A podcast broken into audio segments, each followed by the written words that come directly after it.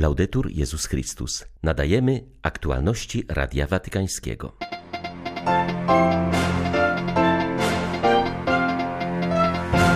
Dziś w Watykanie odsłania się szopkę i zapala lampki na choince na placu Świętego Piotra. Z tej okazji papież przyjął przedstawicieli miejscowości, które podarowały te bożonarodzeniowe dekoracje. Wspaniała niespodzianka. Tak ojciec Enzo Fortunato, dziennikarz i pisarz, komentuje ogłoszenie wczoraj przez Franciszka podczas modlitwy Anioł Pański Światowych Dni Dzieci na 25 i 26 maja przyszłego roku.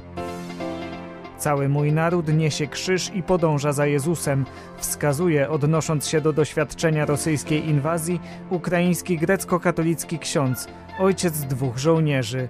9 grudnia wita Państwa ksiądz Tomasz Matyka. Zapraszam na serwis informacyjny. Z Franciszkiem spotkali się dziś przedstawiciele z piemonckiej wioski Makra oraz z latyńskiego Rieti. To z tych miejscowości pochodzą tegoroczna choinka i szopka ustawione na placu Świętego Piotra, których inauguracja ma miejsce dziś późnym popołudniem. Jak przypomniał papież, ta ostatnia nawiązuje do pierwszego żłobka zorganizowanego przez świętego Franciszka dokładnie 800 lat temu. Podróż do Ziemi Świętej była wciąż żywa. W pamięci świętego Franciszka, a groty Greccio przypominały mu krajobraz Betlejem. Dlatego też poprosił o przedstawienie sceny Bożego Narodzenia w tej małej wiosce. Wielu braci przyszło z różnych stron, także przyszli okoliczni mieszkańcy, tworząc żywą szopkę. W ten sposób narodziła się tradycja szopki w naszym rozumieniu. Greccio z kolei odsyła nas do samego Betlejem i szerzej do Ziemi Świętej. Nie możemy nie myśleć o dramacie, jaki oni przeżywają, okazując tym naszym braciom i siostrom, zwłaszcza dzieciom i ich rodzicom, naszą bliskość i duchowe wsparcie. To oni płacą prawdziwy rachunek za wojnę, zaznaczał papież. Davanti ad ogni presepe przed każdą szopką, nawet tą wykonaną w naszych domach, przeżywamy to, co wydarzyło się w Betlejem ponad dwa tysiące lat temu.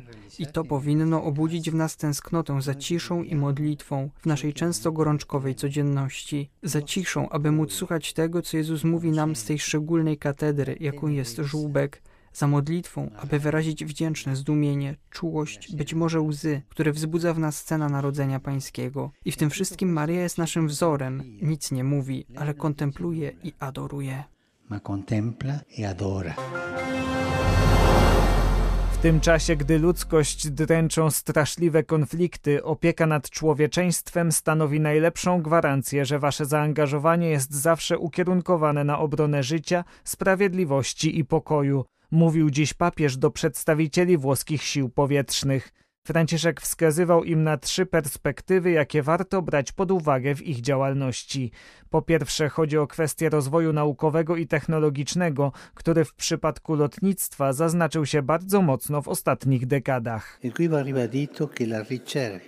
I tutaj należy powtórzyć, że badania, innowacje, nowe technologie nigdy nie mogą być podporządkowane interesom władzy lub szkodliwym zastosowaniom, ale zawsze trzeba je ukierunkowywać na integralne dobro człowieka, na rozwój wszystkich narodów, na wzrost sprawiedliwości. Na tej drodze wasza działalność jest i pozostanie cenną służbą na rzecz pokoju.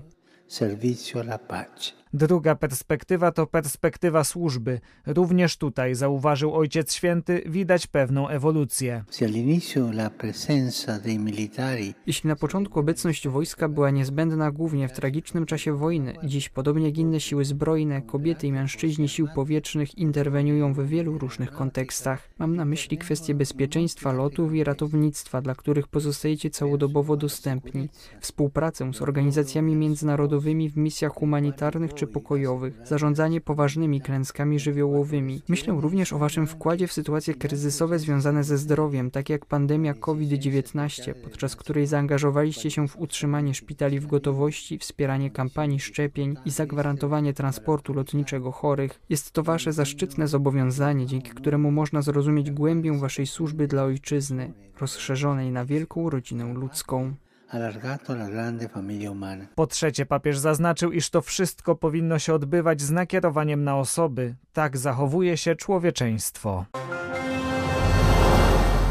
Wspaniała niespodzianka, tak podsumował ojciec Enzo Fortunato, dziennikarz i pisarz, ogłoszenie wczoraj przez Franciszka podczas modlitwy Anioł Pańskiej Światowych Dni Dzieci na 25 i 26 maja przyszłego roku. Wydarzenie zgodnie z zapowiedzią papieża odbędzie się w Rzymie. Wszystko zaczyna się od najmłodszych i ich niezwykłej siły do tworzenia jedności, komunii i dzielenia się, wskazuje Franciszkanin. Zaznacza, iż ogłoszenie Światowych Dni Dzieci stanowi powód do świętowania, ale też większego zaangażowania. Chodzi o to, by dorośli stanęli u boku dzieci, zwłaszcza tych cierpiących. Eh, Pierwszą rzeczą jest poświęcenie czasu. Czasami pozostajemy pochłonięci zobowiązaniami. Poświęcenie czasu oznacza zatrzymanie się, zwrócenie uwagi na tych, którzy stoją przed nami, w tym przypadku na najmłodszych. Drugi cel, również podkreślony przez papieża, stanowi umiejętność słuchania.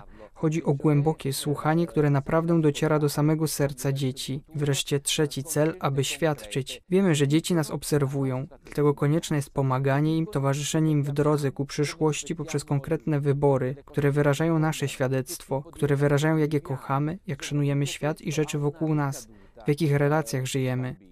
Wszystko to ma wpływ na dzieci. Istnieją już dni młodzieży, słynne SDM. Teraz będziemy mówić o SDD. Oczywiście organizacja będzie zupełnie inna. L'organizzazione sarà molto diversa.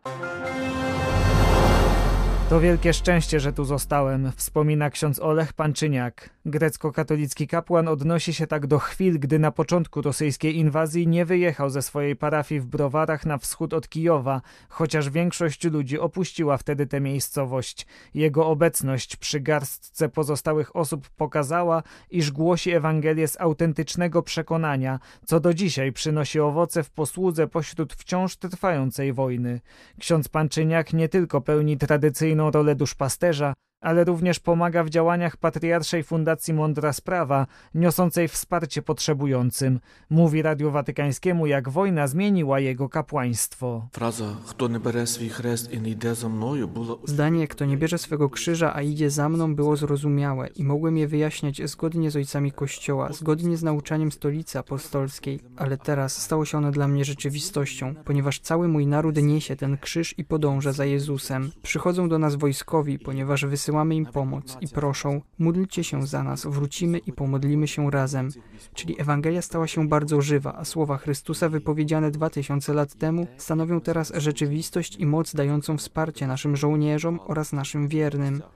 Naszym wielkim kazaniem jest to, jak służymy obecnie ubogim. Ta pomoc i służba, służba społeczna, którą wykonuje Kościół, stanowi żywe przekazywanie i ucieleśnianie nauk Pana Jezusa Chrystusa. Nauki Gospoda Jezusa Chrystusa. Duchowny ma również trójkę synów. Dwóch z nich to wojskowi. Jeden, Nazar, walczy na froncie. Ksiądz Panczyniak niedawno go odwiedzał.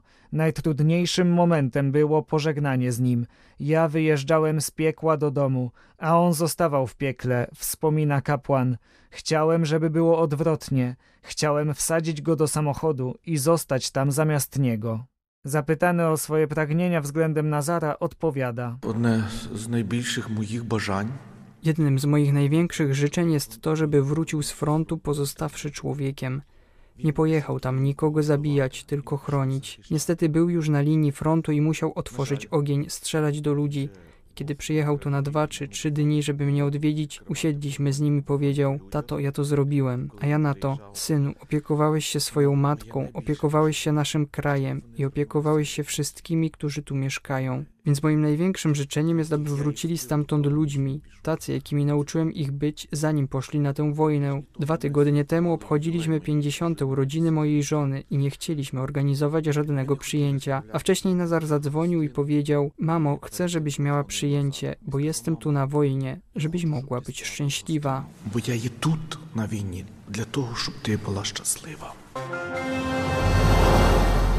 W Mozeli, francuskim regionie przygranicznym z Niemcami, który widział w swojej historii dużo konfliktów zbrojnych, na jednym ze wzgórz stoi sześciometrowy posąg świętego Mikołaja. Znajduje się on tam jako patron Lotaryngii. Projekt Góry Świętych, zainicjowany zeszłego lata, poszerzono 6 grudnia o pomnik pokoju z białym kamieniem symbolizującym Chrystusa.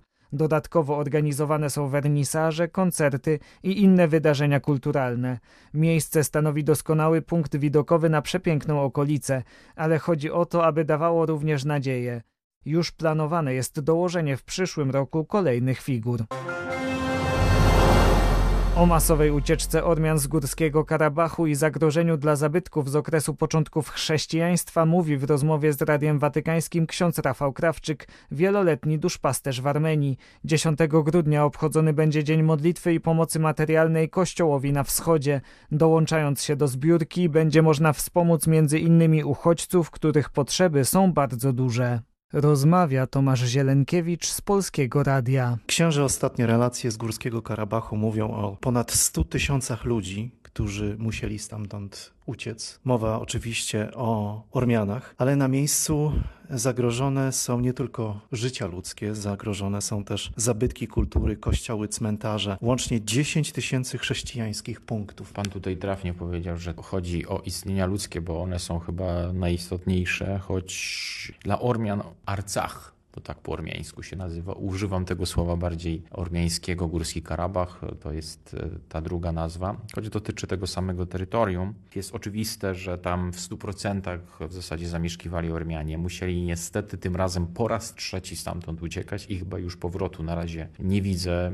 Też to jak ostatnio byłem tam na tej krótkiej misji 3-4 dni, to z nimi rozmawiałem. Niektórzy mówili, że w zależności od sytuacji, jak ona się rozwinie, ale jak widzą na przykład prezydenta Azerbejdżanu, który po prostu depcze flagę Arcachu, która no, formalnie nie istnieje, nieformalnie był tam Arcach, Górski Karabach, tam zamieszkiwali zawsze Ormianie i historycznie tam zawsze byli Ormianie. A tego świadectwem są nie tylko te istnienia ludzkie, które uciekają, musiały opuścić te domy, bo po prostu mieli 10 minut, żeby się spakować, więc w ciągu 10 minut co można spakować z tego domu i co zabrać? No niewiele. Albo jak się udało, no to też trzeba mieć tę świadomość, że oni jak uciekali, to już od roku tam nie mieli dostępu do benzyny, do paliwa, więc trudno im było nawet w jaki sposób tam uciec. No i wiadomo też, e, eksterminacja się tam już zaczęła, tylko o tej eksterminacji niestety za wiele nie wiemy. Natomiast oni jako świadkowie naoczni mówią wprost, że doszło do strzelaniny w miastach, między innymi w Stepanakiercie, w których po prostu żołnierze strzelali, czyli dokonywali ludobójstwa na